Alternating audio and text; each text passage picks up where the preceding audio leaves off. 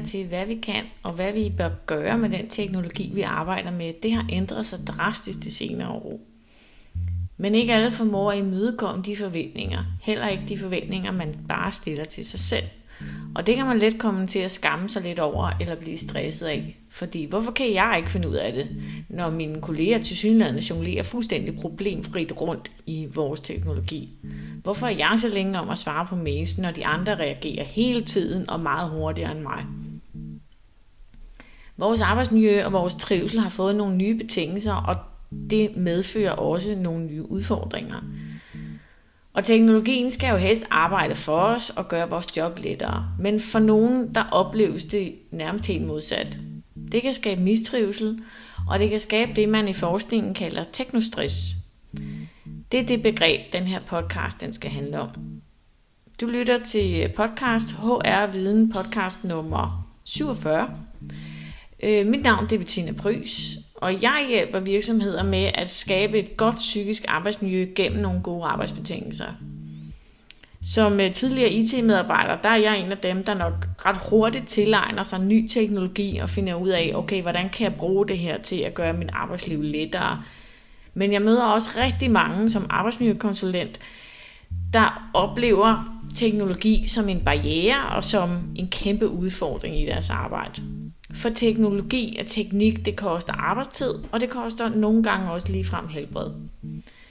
Jeg ser også mange arbejdspladser, som øh, tror, de er enige om, hvilke forventninger der er til, hvordan og hvornår vi skal arbejde. Men når man så trykker den enkelte lidt på maven, så viser der sig et helt andet billede af, hvad man synes, man skal leve op til. Det kan man også blive unødigt stresset af.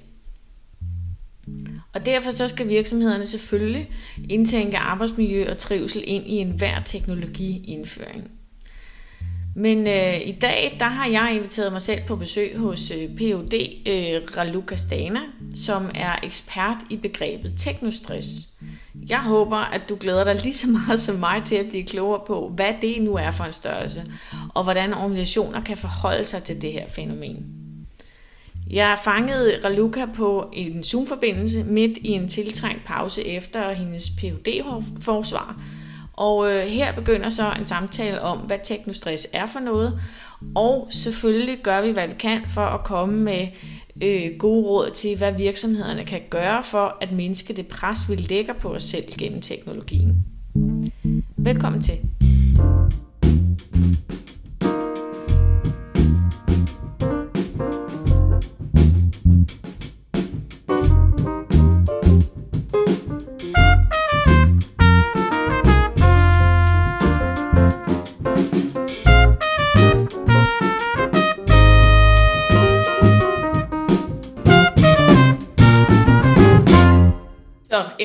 Glæder mig enormt meget til at høre, øh, hvad det er, du har fundet ud af, hvad det er, du har kigget nærmere på. Men kan jeg få dig til, Raluca, at øh, introducere dig selv øh, lidt nærmere øh, i første omgang, og så øh, tager vi den derfra. Ja, tak. Så øhm, jeg er Raluca. Jeg har boet i Danmark i over 11 år, og, og det er relevant, fordi jeg har faktisk kigget på det danske samfund, og hvordan den er bygget op lidt fra en udenfor perspektiv, og øh, jeg har arbejdet i nogle år i en øh, stor, IT, altså en stor virksomhed med, øhm, med IT og implementering og IT-systemet. Og der har jeg lagt mærke til, at øh, det vi snakkede om i forhold til IT matchede slet ikke det, vi oplevede, når vi skulle faktisk øh, arbejde med det i, det, i den daglige. Øh, og det var heller ikke det, vores kunderne, vores kunder oplevede, da de skulle interagere med, med os. Så det var der, jeg begyndte på at stille rigtig mange spørgsmål i forhold til mennesker og teknologi, hvordan vi interagerer med teknologien, og hvorfor mine medarbejdere følte sig dumme nogle gange, når de interagerede med teknologi. Det synes jeg, det var lidt særligt. Så, så jeg begyndte på at forske noget i forhold til ledelse og IT til at starte med, men, men ret hurtigt lagt jeg mærke, mærke til, at der var noget med også stress og teknostress at gøre, der, der kunne være relevant for mig at, at forske Og der var slet ikke så mange øh, forskere i verden, der kiggede ind i teknostress, og der var heller ikke noget på den dans, dans, danske marked eller i øh, vores øh, vejledning fra Sundhedsministeriet, eller de officielle vejledninger, der kiggede på, på teknostress, selvom Danmark er en så højt digitaliseret samfund, at vi, vi bør jo kigge på det. så, øh. så, lad, så lad os gøre det, lad os kigge på det, fordi øh, som, som vi også har talt om, jamen, jeg har, har forsket i stress øh, igennem det meste af min universitetsuddannelse, øh, og, og jeg har arbejdet med stress i mange år, men, men, men det er jo bare sådan stress generelt, ikke nødvendigvis forårsaget af noget specifikt måske forårsaget af arbejdsmiljø, men det er jo et meget vidt begreb. Ikke? Øh, og så kommer du her og, og har lige øh, forsvaret en phd afhandling hvor fokus er på teknostress. Så, så lad os starte med at, at udbrede eller dykke lidt ned i, hvad er det, hvad handler det om? Er det en særlig form for stress, eller, eller hvad går det ud på? Teknostress er en ret speciel begreb, fordi øhm, den tillader os at kigge på den stress, der kommer på grund af teknologi. Ikke nødvendigvis kun, når vi interagerer med teknologi, men også som en resultat af den måde, vi tænker på teknologi, eller vores afhængighed af teknologi, eller hvad er det, der teknologien tillader os at gøre, som er stressende for, for os. Så ja, det er en specifik form for stress, men jeg vil ikke sige, at øh, man kan måle, når, når den starter, og altså hvor teknostress starter, og, og hvor den slutter i forhold til stress. Så, så det er stress ligesom al, alle mulige andre former for stress. Det er de samme symptomer, det er, altså det er det samme sygdomsbillede og de samme reaktionsmønstre, men det er forårsaget af teknologi. Er, er det sådan, man skal forstå det? Lige præcis. Tak, Bettina. okay, så, så hvad er det, du siger, øhm, der skaber teknostress? Jeg har jo læst et par artiklerne i forbindelse med din phd afhandling og der, der taler du blandt andet om nogle creators, om, øh, som, som branchen har talt om før, om techno-invasion, om kompleksitet, uncertainty, øh, den der usikkerhed eller uforudsigelighed, det er jo en af de helt store stressorer, også når vi ikke taler teknologi. Men overload og insecurity og techno-invasion, hvad, hvad går det ud på? Der, er mange, der var mange ord her, men... Ja, og det er helt, helt fint. Um, jeg vil lige gerne fortælle en lille historie i forhold til teknostress. Begrebet blev uh, øh, opfundet, eller ja, opfundet i 1982 af en uh, psykoterapeut faktisk, som har lagt mærke til uh, en af hendes uh, øh, klienter lige pludselig sammenlignede en skole med en uh, device, med en gadget. Så han tænkte lige, så tænkte at uh, der var noget specielt i forhold til, uh, til teknostress der, og så skrev han en bog om det.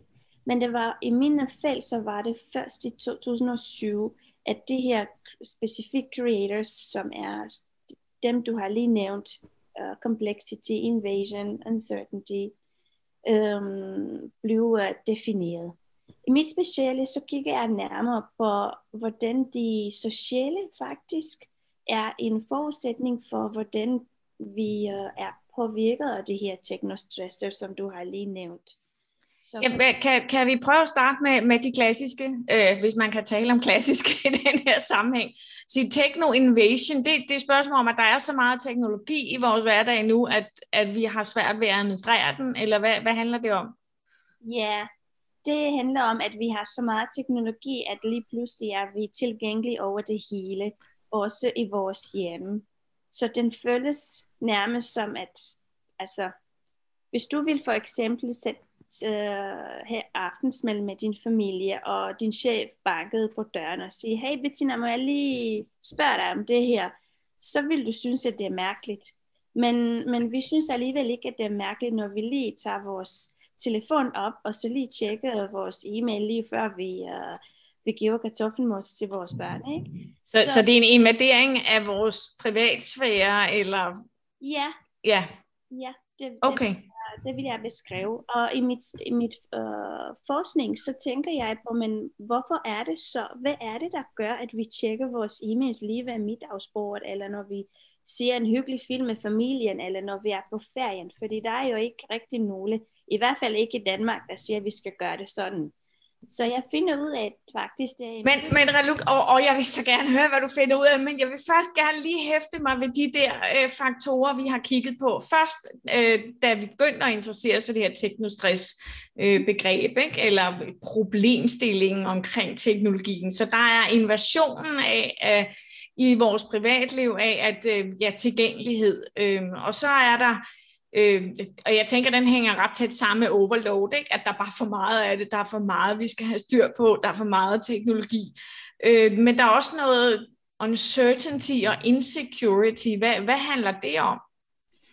Uh, en af dem, insecurity, det handler om, at vi måske føler, at vores uh, arbejde eller vores uh, rolle er uh, truet af tek- på grund af teknologi. Vi føler, at på ah jeg kan vi ikke rigtig have vores job mere, fordi øh, AI eller en proces eller en system vil overtage den. Så det er den der frygt for, at okay, nu skal jeg implementere det, det her proces, som måske kommer til at tage min, mit arbejde på til Okay, jeg, jeg, kan, jeg kan huske, for, for et par år siden lavede jeg en, en podcast med, med øh, Louisa, fra, fra, som har været HR-chef og, og talt netop om digitalisering og arbejdsmiljøbegreber. Og der var det lige nok det her med bekymring for, når vi nu implementerer en eller anden ny teknologi, hvad kommer det her til at betyde for mig? Og det er jo i virkeligheden teknostress, vi peger på, øh, uden at vi var klar over det så. ja, okay. I ren iver for at øh, høre nærmere om, hvad det er, Ralukas øh, perspektiv på teknostress er, så får vi ikke gennemgået de her øh, fem teknostress, øh, klassiske teknostress-faktorer eller creators helt øh, i bund øh, eller tilstrækkeligt. Så jeg prøver lige at tage dem fra en ende af. Øh, Taraftar og, og Company har i 2011 defineret teknostress-formerne øh, som techno-overload, som øh, er et spørgsmål om, at, at medarbejderen oplever simpelthen for meget information til at øh, kunne håndtere en ting ad gangen, så man bliver tvunget ud i en multitasking, der ikke nødvendigvis er hverken sund eller effektiv. Techno-uncertainty, jamen øh, der bliver jeg usikker øh, eller irriteret eller stresset over, at systemerne, teknologien hele tiden skal opgraderes og hele tiden bliver lavet om, så lige som jeg har lært at bruge det, så er der kommet en eller anden ny feature eller en ny måde at gøre det på. Det kan selvfølgelig være stressende. Techno insecurity er det, som Raluca øh, nåede at øh, pege på, inden, jeg, inden vi skynder os videre. Øh, øh, det er den usikkerhed, teknologien kan skabe i forhold til, hvad betyder det her så egentlig for mig? Er mit job ved at blive udraderet, eller, eller hvad skal teknologien faktisk gøre? Det er selvfølgelig en stressfaktor. Techno-complexity, det er der, hvor jeg ikke helt kan finde ud af at bruge teknologien, og, den der, og jeg derfor føler mig intimideret ved at skulle benytte teknik til at udføre mit arbejde. Og Techno Invasion, jamen øh, jeg har bare aldrig fri. Jeg, øh, jeg er hele tiden omgivet af teknologi, og det er lige meget, hvad, hvor jeg vender og drejer mig, så er der hele tiden noget teknik involveret i, at, at jeg skal udføre mit arbejde eller håndtere mit liv. Det er ligesom de klassiske teknostressfaktorer, man opererer med i, øh, i forskningen og i undersøgelser af, hvad det egentlig gør, hvad man kan gøre ved det. Og så kommer vi til den faktor, som Raluca hun peger på, som handler om min i større grad af social øh, forventningsafstemning eller forventning og obligation til sig selv og til hinanden. Så hør med her.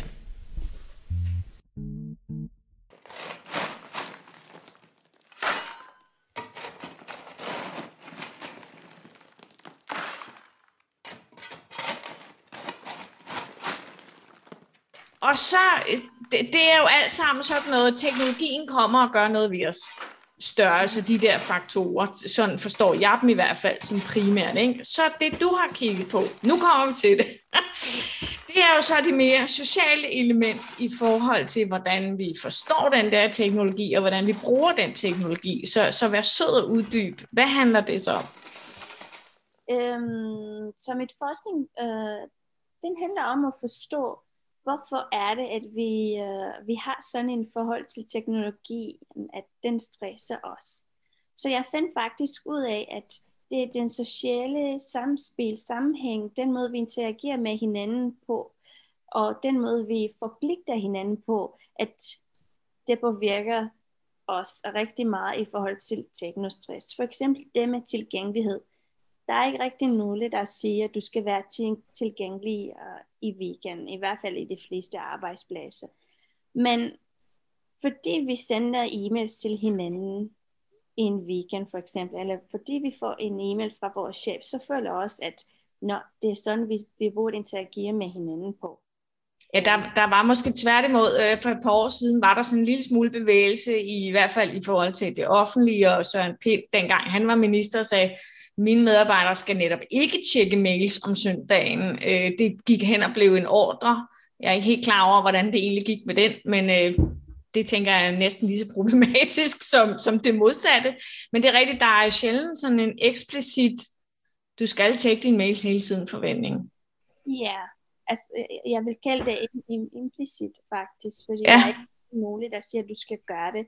Men fordi vi gør det, så forpligter vi hinanden at gøre det. Altså, for eksempel, man vil gerne, man vil gerne vise, vise interesse for sit arbejde, og vise, at man er øh, professionel, eller at man er, øh, øh at man elsker sit arbejde, måske.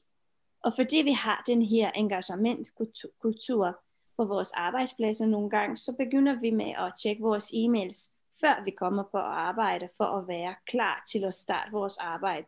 Som om at tjekke e-mails ikke er en del af vores arbejde, og hvorfor er det blevet sådan?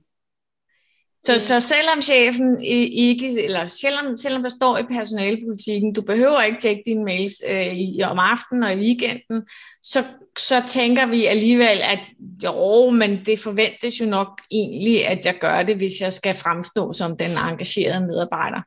Lige præcis. Og, okay. og altså, jeg fandt ud af, at det er lige meget, hvad der står i personalepolitik, fordi så snart vi begynder med at gøre det, selv eller vores chef begynder med at gøre det, uden at sige det eksplicit. Altså, I behøver ikke at gøre det, jeg gør, men jeg var nødt til at gøre det, fordi bla bla bla. Så begynder alle de andre at gøre det også, fordi vi vil gerne vise vores engagement.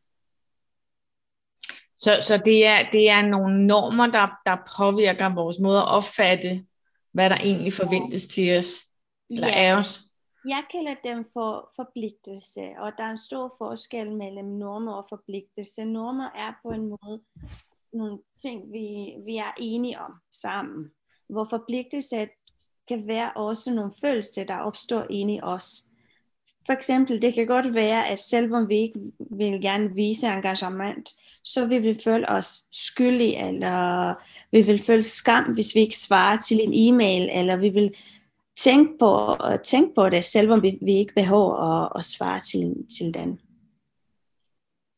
Så, så den så dybere ind i os selv, øh, end, end normerne gør. Okay, interessant. Ja, fordi jeg, jeg altså, hvad er forskellen egentlig, øh, når, når det er sådan, jeg, når jeg underviser øh, i øh, i arbejds- og ledelsespsykologi, så opererer vi blandt andet med, med det her normative institutioner, som styrer vores adfærd.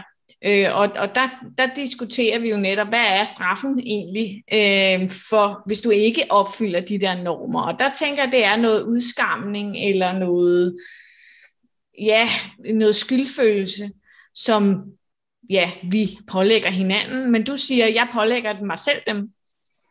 Det kan også være. Ja. ja. Ja, det kan også være os selv, der pålægger dem. Der kan også være andre. For alle. Der kan også, lad mig give dig en eksempel.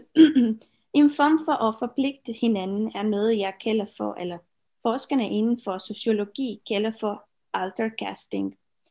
Så som en eksempel, og en eksempel kan være, at chefen siger, de motiverende medarbejdere er tilgængelige hele tiden. Så du tænker også ind i dig selv, okay, jeg vil gerne øh, fremstå som en engageret øh, medarbejder. Derfor skal jeg være tilgængelig hele tiden. Så det er ligesom, at hvis du vil gerne have den der titel, så skal du også overtage alle de forpligtelser, der kommer med titlen. Og nogle gange kan det være en øh, bevidst valg, og nogle gange kan det være bare en opførelse, opførelse du, du tager over på en meget, øh, altså du gør det bare uden at tænke over det. Ja, fordi en ting er, om man oplever, at det overhovedet er et valg, hvis man gerne vil have adgang til de fede opgaver og chefens anerkendelse, og noget andet er, hvis, om jeg gør det, uden at jeg egentlig er bevidst om, at, at jeg har påført mig selv en forpligtelse, som. Gør noget dårligt for mig. Ja. Så, så teknostress, det er, når, når, øh, det, det er, når, når teknologien invaderer mit privatliv, eller overloader min måde at bruge den her teknologi på, men det er også noget omkring, hvordan jeg forpligter mig selv til at bruge teknologien. Og nu taler vi selvfølgelig primært arbejdsøje med her, ikke? Ja, hvordan du, på, du forpligter dig selv, eller hvordan dit arbejdspladskultur forpligter dig, eller den måde, du interagerer med de andre på, forpligter dig til at gøre nogle ting. Du lytter til podcasten HR Viden, en podcast om mennesket på arbejde. Okay, så, så hvis vi prøver at holde fast i det der individ, øh, individuelle perspektiv, har, at, øh, har du så noget bud på, hvad, altså, hvad er det, der gør, at jeg kommer til at forpligte mig selv, øh, ud over det, jeg egentlig måske nødvendigvis bør? Ja, så mit perspektiv er, er sjældent uh, individuelt, fordi min sådan, største pointe er, at der er noget til fælles. Altså noget, vi gør i fællesskabet. Vi forpligter os hinanden og os selv i fællesskabet. Så jeg vil sige, at det, det er en individuel, altså en individ føle, at for at være en del af fællesskabet, for at være en engageret medarbejder, så, så burde den også opføre sig selv på en specifik måde, der faktisk fører til teknostress. Øh, ikke hele tiden, men nogle af den øh, forpligtelse øh, fører til teknostress. Og det der gør, altså den måde jeg definerer forpligtelse på, er, at det er den der følelse, eller en blanding af forskellige følelser, der gør os til at føle, at vi øh, skylder noget til os selv, vores egen identitet, til andre, eller til den organisation, vi arbejder for. Okay, jeg er da glad for, at du siger, at det ikke handler om mig, men, eller, og det gør det jo, det, men det handler om, hvordan jeg finder min plads i arbejdsfællesskabet. Ja, ja. så det er den største pointe, fordi en af de ting, jeg finder i mit forskning, er, at der er forskellige måder at tænke på stress på. En af de måder at tænke på stress på, er, at stress er noget, der sidder inde i os en anden måde at, at tænke på det på, er, at der er noget, der er ind i den miljø, vi er i. Hvor jeg tænker på stress er noget, der kan, eller teknostress, der opstår i fællesskabet. Det er blot en anden perspektiv, og når man tager den her perspektiv, så, så finder man nye indsigter. Det betyder ikke, at det er den eneste måde at tænke på teknostress på, blot at det er en måde at gøre det på, øh, som jeg synes, det er ret spændende at, at give noget og, og det, er jo, det er jo meget interessant netop, altså stressforskningen har, og stressforståelsen har jo stadigvæk sådan, enten bliver du ramt af stress, det vil sige, det er de ydre faktorer, der bestemmer det, eller også er det din måde at tænke og agere på i verden, der ligesom er medvirkende årsag til, at du bliver stresset, det vil sige den indre. Ikke? Og, og det, det vi de fleste er jo et eller andet sted godt ved, det er jo, det er jo et samspil mellem de to ting, og det er noget socialt konstrueret men når man så kigger på teknologien, så synes jeg jo meget af forklaringerne og meget af debatten peger på teknologien som årsagen. Ikke? Altså, vi har talt i mange år efterhånden om, øh, om, om de store mediemogulers øh, notifikationshelvede, for eksempel. Ikke? Øh, at, at det er jo teknologien, der hele tiden popper op i vores smartphones og på vores computer og tvinger os til at forholde os til den. Men, men, men det er slet ikke det, det her det handler om. Mm. Nej. altså, det er det måske også, men, men det er ikke det, der er, ligesom, er det primære interesse lige nu. Det er måske mere, hvordan bruger vi teknologien sammen, tænker jeg.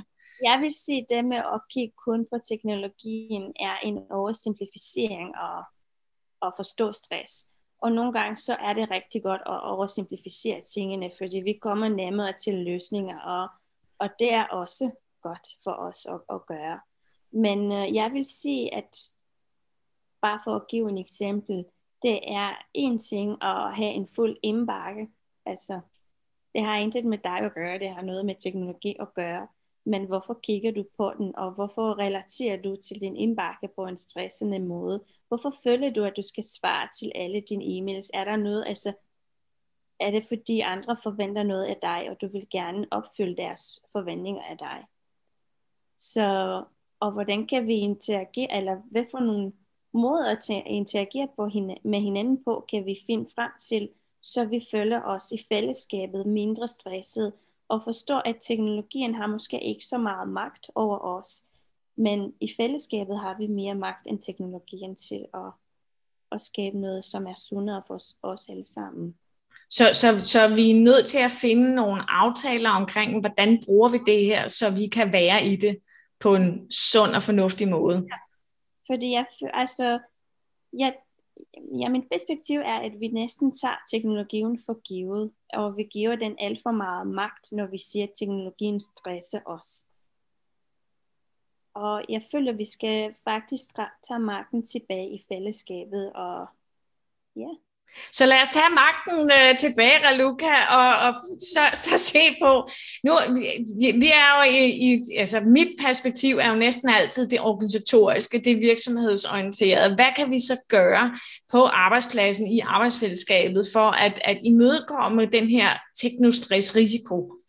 Øh, når det handler ikke kun om, at selvfølgelig skal jeg øh, lade være med at have for mange notifikationer på min øh, smartphone, fordi det er unødvendigt, og det er stressende osv. osv. Men hvad er det egentlig, vi som arbejdsplads kan gøre? Skal vi gøre ligesom Søren Pind han sagde, du skal ikke sende, øh, du skal overhovedet ikke komme i nærheden af din mail øh, søndag eftermiddag, eller, eller hvad er det, der skal til, for at vi ikke bliver teknostressede? Øh, ja, det, kunne være en god råd, men jeg vil, øh, i stedet for, at du skal ikke gøre det, jeg vil sige, at vi skal ikke gøre det sammen. Vi skal aftale nogle nye måder at interagere med hinanden på. Så jeg vil, øhm, jeg ved ikke, om jeg må referere til mit forskning eller ej. Må jeg det? Selvfølgelig. Jamen for Søren, du sidder her jo, fordi du har lavet den forskning. Så, så ja. hvis der er nogen, der er ekspert i det her, så er det jo dig. Og jeg linker selvfølgelig til alt, hvad jeg overhovedet kan i show notes, hvis folk de gerne vil læse mere øh, at, om de sindssygt interessante artikler og øh, og det, du ellers har begået. Så kom endelig med det.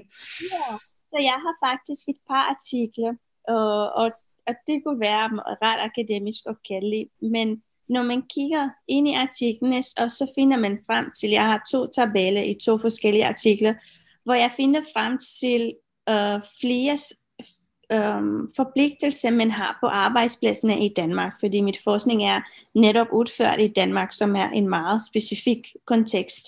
Så hvis man kigger på det, så kan man tage alle, alle altså de to tabeller og, og have en måde sammen og sige, okay, har vi en forpligtelse her sammen om at være tilgængelig, og hvordan og hvornår?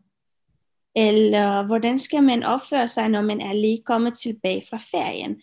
Det jeg oplever øh, i mit forskning er, at der er rigtig mange, der gør sig klar til arbejde, før de kommer på arbejde, fordi de føler, at det med at tjekke deres e-mail og prioritere deres e-mails og finde frem til, hvad for nogle øh, arbejdsopgaver har jeg som en resultat, at jeg har læst alle mine e-mails, ikke rigtig er en del af ens arbejde, eller man føler sig presset til at med det samme starte med den rigtige arbejde.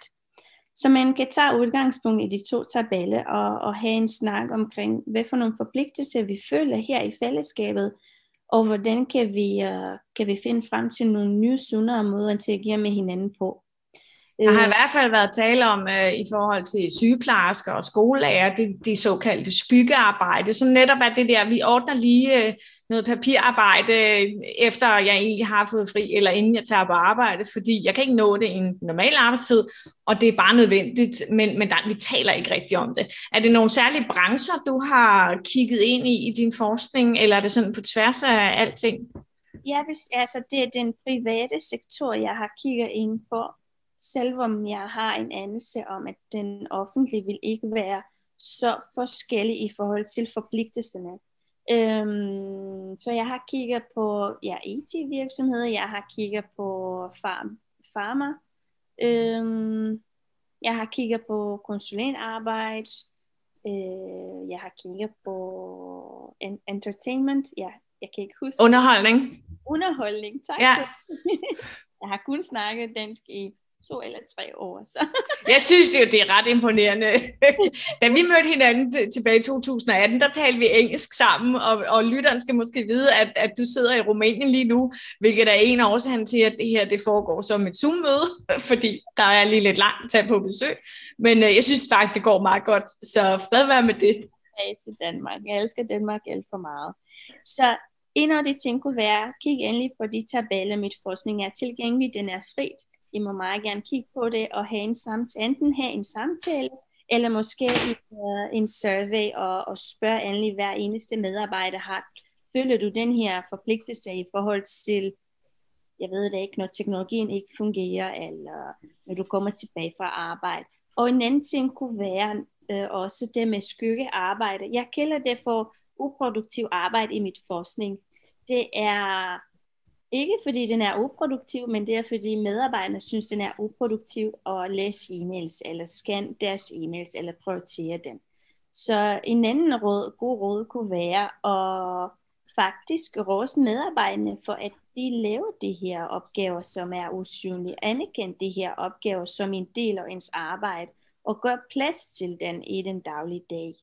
Jeg Det, har det er jo interessant i sig selv, at du siger, at folk kan, kan betragter det som uproduktivt. Jamen altså, kan de lave deres arbejde uden at tjekke de 250 mails, der kommer ind i ferien? Hva- det er, Hvis de kan det, så er der noget helt andet galt, ikke? Men, men det, der er interessant i sig selv, at, at det bliver vægtet som uproduktivt, eller betragtet som uproduktivt at sidde og tjekke sine mails.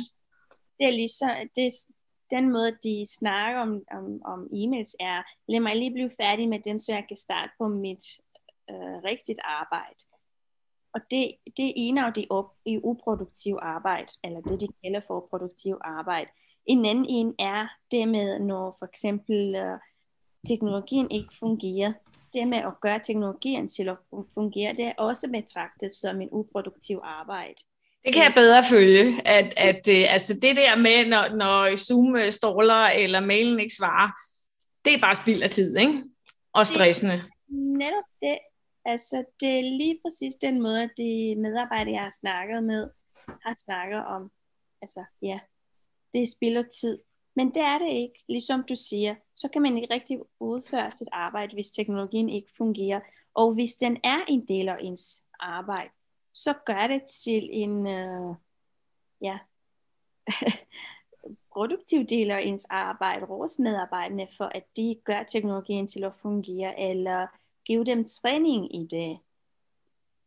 Det jeg, siger, det jeg kunne se er, at der er, rigt, der er rigtig mange, der har fået træning inden for at gøre teknologien til at fungere, for eksempel Zoom.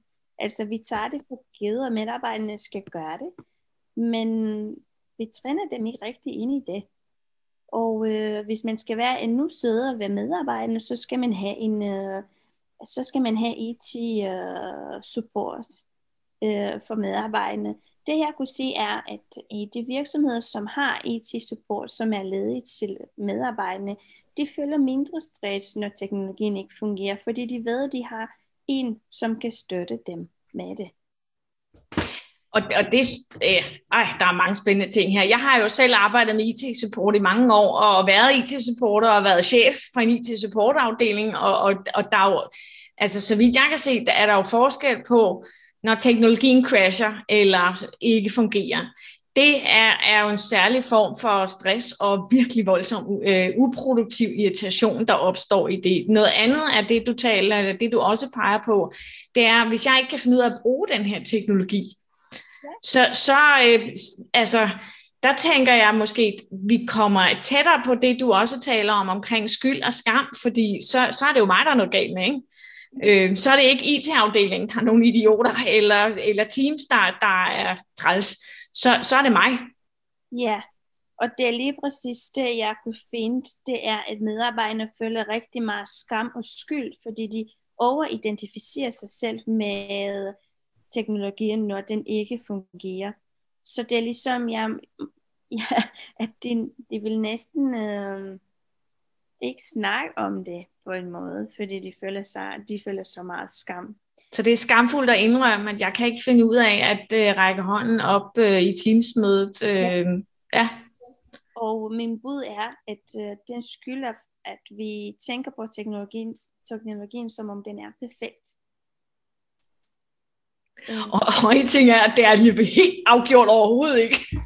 Noget andet er, at det kan da godt være, at, at, øh, at, at lige nu så, så fungerer Teams sådan rimelig smertefrit, men det er jo ikke ens betydende med, at min måde at bruge det på er den mest indsigtsmæssige.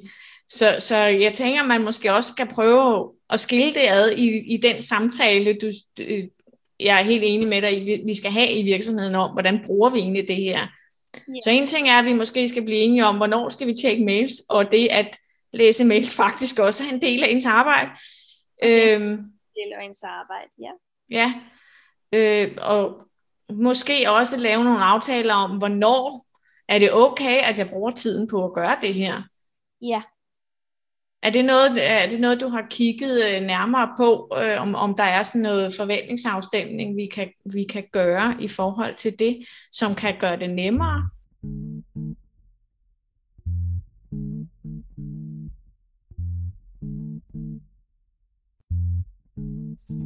Til hvornår vi bruger tid på at læse e-mails, tænker du?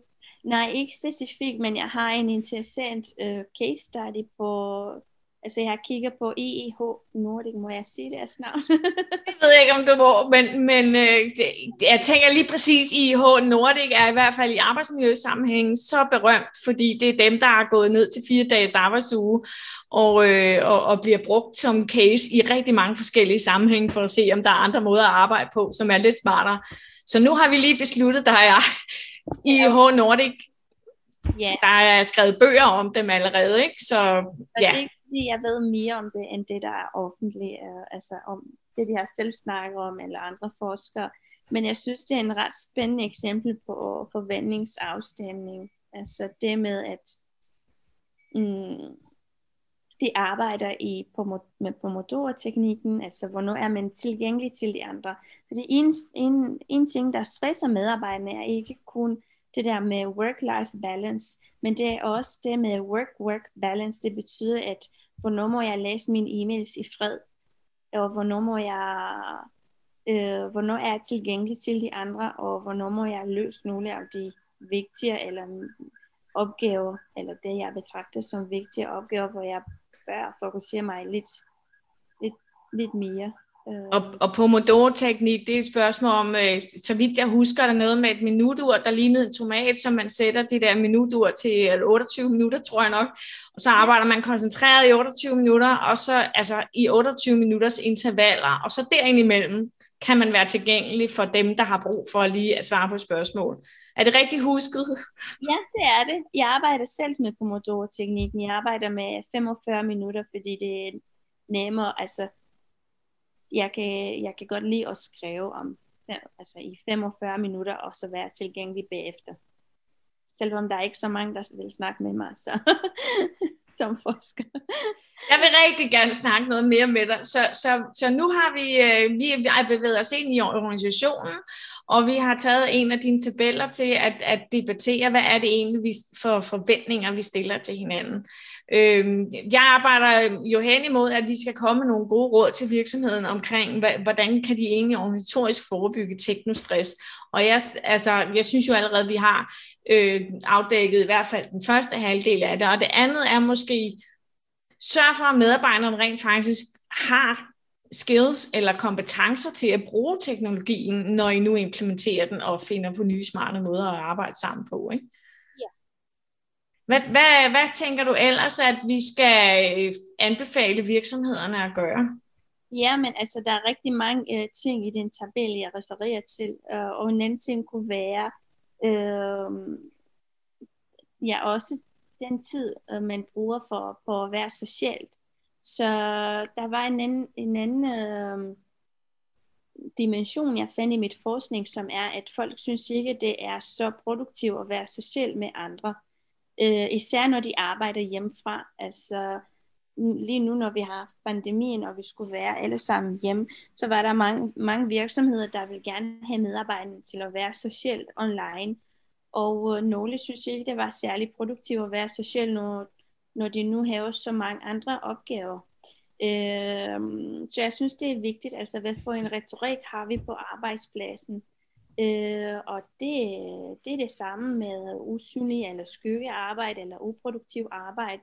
Gør det til, til en del af ens arbejde. Rås medarbejderne for at, at skrive ordentlige e-mails for at øh, løse teknologien, når den ikke fungerer, og for at være socialt med deres kolleger.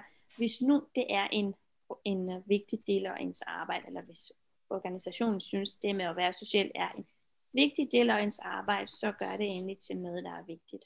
Øh. Jeg tænker, at det er en forudsætning for, at man kan være, altså man kan producere det gode produkt, det er, at man er social, fordi langt de fleste af os, vi har behov for at øh, kende hinanden og vide, hvem skal jeg have fat i, og have tillid og tryghed til hinanden i teamet og på tværs af teams.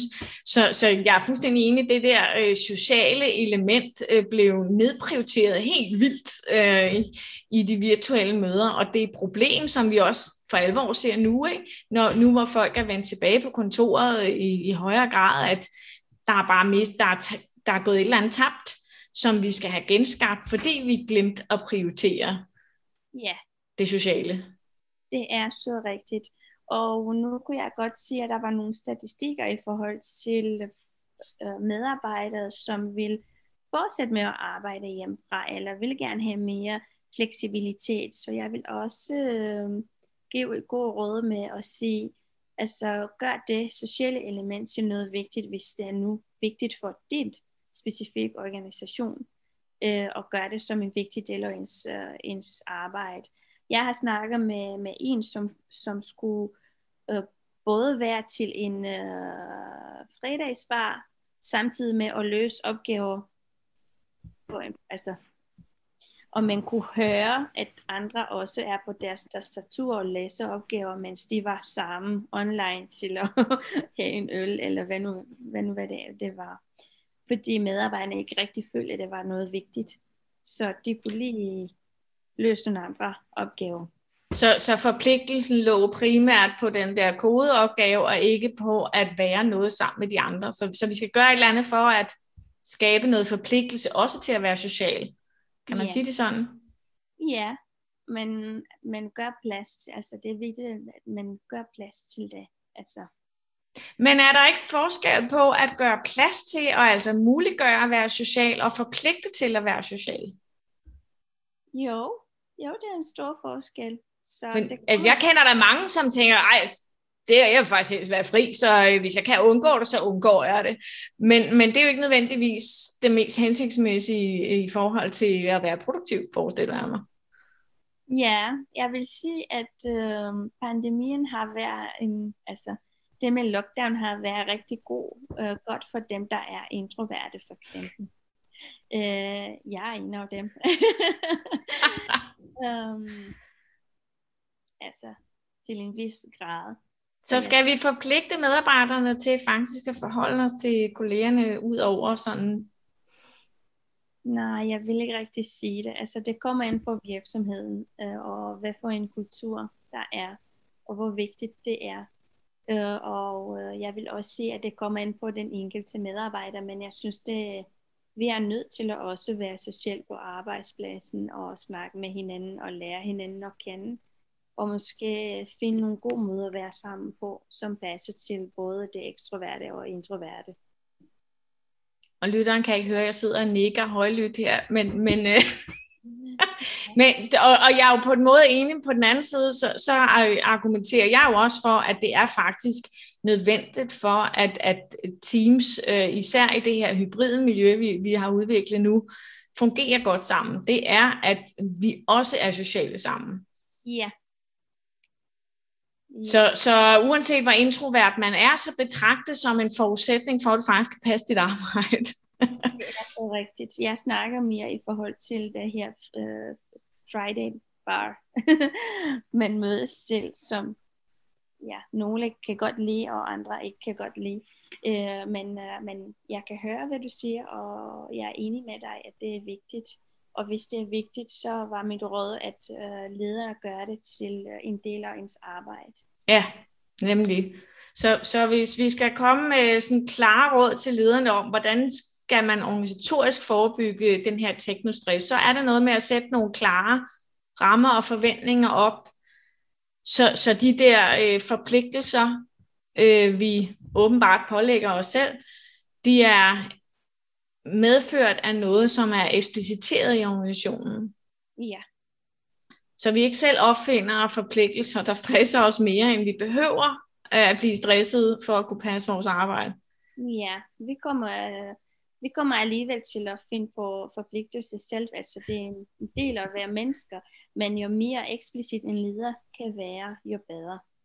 Øhm, jeg har set nogle gode eksempler, hvordan man skriver e-mails øh, uden for arbejdstimerne for eksempel. Nogle gange er man nødt til at gøre det, især hvis man har et fleksibelt arbejde, hvor man kan hente en spørgen klokken 2, klokken 3 og arbejde lidt om aftenen, så vil det være ikke særlig klog at sige, man må ikke sende e-mails om aftenen, hvis, altså, hvis man har en fleksibel arbejdsplads. Men man kan godt skrive det i, en, i ens uh, beslutning og ens e-mail, bare fordi jeg skriver det om aftenen, betyder ikke, at du, du skal svare i aften, eller at du skal svare uden for dine arbejdstimer, for eksempel.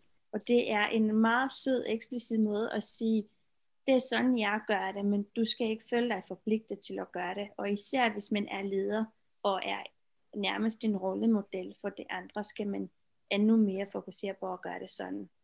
Eller øh, bruge teknologien til at, at udsætte afsendelsen af den der mail, sådan, så du kan selv få den ud af døren, men at den ikke rammer medarbejderens postkasse før normal arbejdstid. Øh, fordi øh, en, jeg, jeg vil give dig ret i, at, at det her ekspliciteret i en e-mail kan fungere, men så snart vi kommer op på ledelse- og rollemodel-niveau, øh, så, så, så siger du ikke, man gør noget andet. Og der øh, vil medarbejderne i rigtig stor del øh, vælge at tolke på det, du gør, og ikke det, du siger.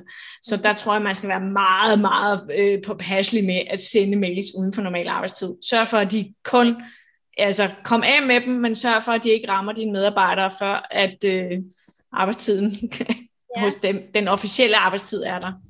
Og her kommer vi til en vigtig pointe, som er, at man har forskellige forpligtelser, hvis man er leder, end hvis man er medarbejder. Ja.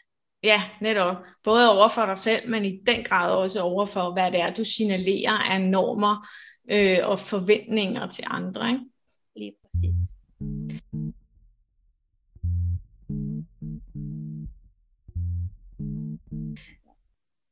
Luca, jeg synes, det er afsindigt spændende øh, emne, det her, og, og øh, jeg vil øh, tilskynde alle og enhver til at læse de artikler, du har skrevet omkring, hvordan øh, forpligtelser øh, og, og det her sociale element i teknostress, det rent faktisk kan gøre en ret stor forskel på, hvorvidt vi kan fungere i vores moderne arbejdsliv øh, eller ej.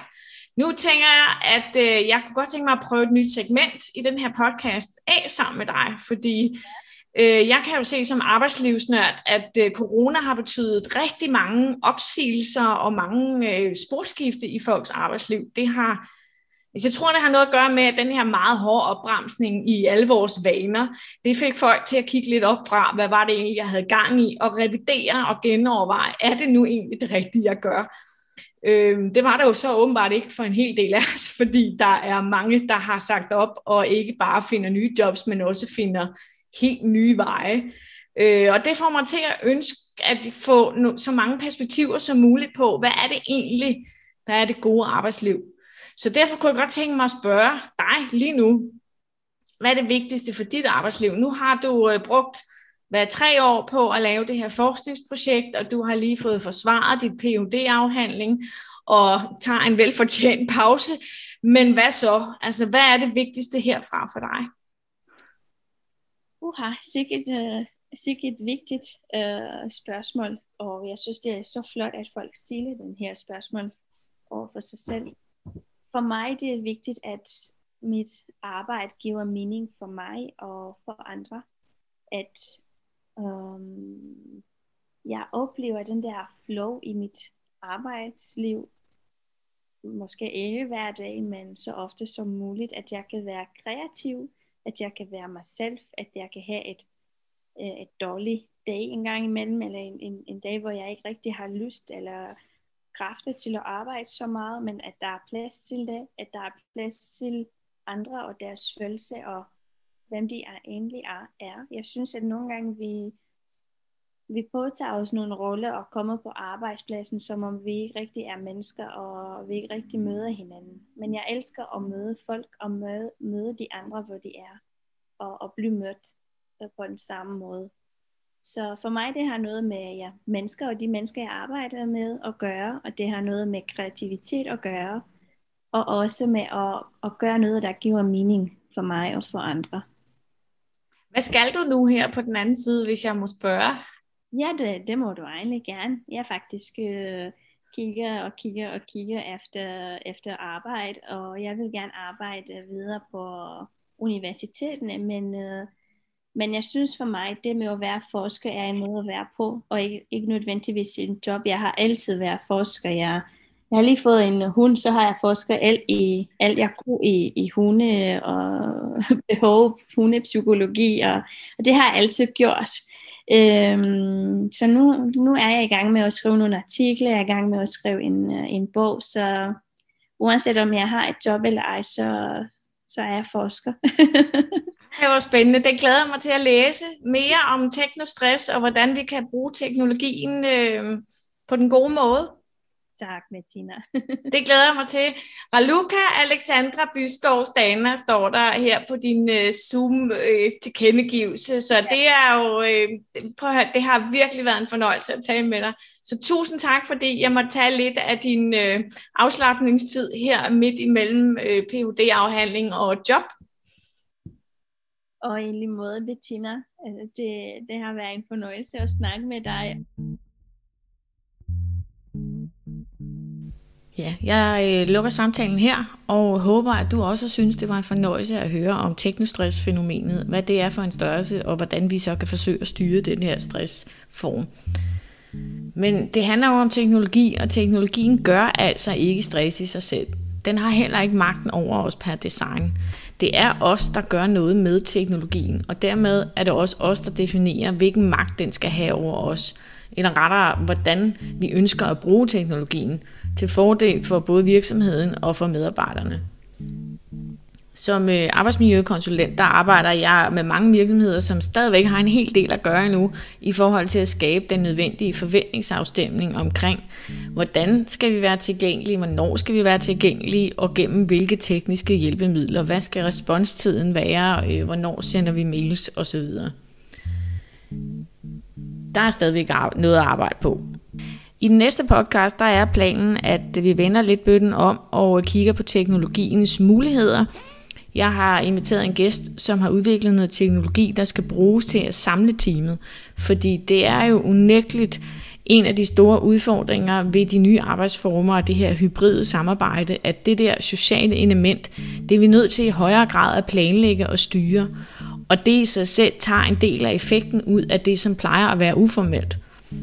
Men hvordan gør man det så? Lyt øh, med næste gang, når jeg dykker lidt mere ned i den udfordring. Jeg hedder Bettina Prys, og øh, jeg arbejder stadigvæk hver dag med at finde ud af, hvordan kan jeg styre den teknologi, der er i mit liv, sådan så det er mig, der har magten over den, og ikke teknologien, der styrer mig. Jeg vil meget, meget nødig undvære alle de teknologi, teknologiske redskaber, som øh, hjælper mig i min hverdag, men jeg gør mig hele tiden umage for, at de skal være medskabende af et godt arbejdsliv og ikke teknostressende. Det her, det var podcast nummer 47 fra HR Viden. Og øh, som du kan fornemme, så er der planer om flere, men jeg har også brug for din input og dine refleksioner og idéer til, hvad skal din kommende podcast handle om, så skriv endelig til mig med idéer til gæster, øh, temaer, refleksioner over det, du hører, form osv.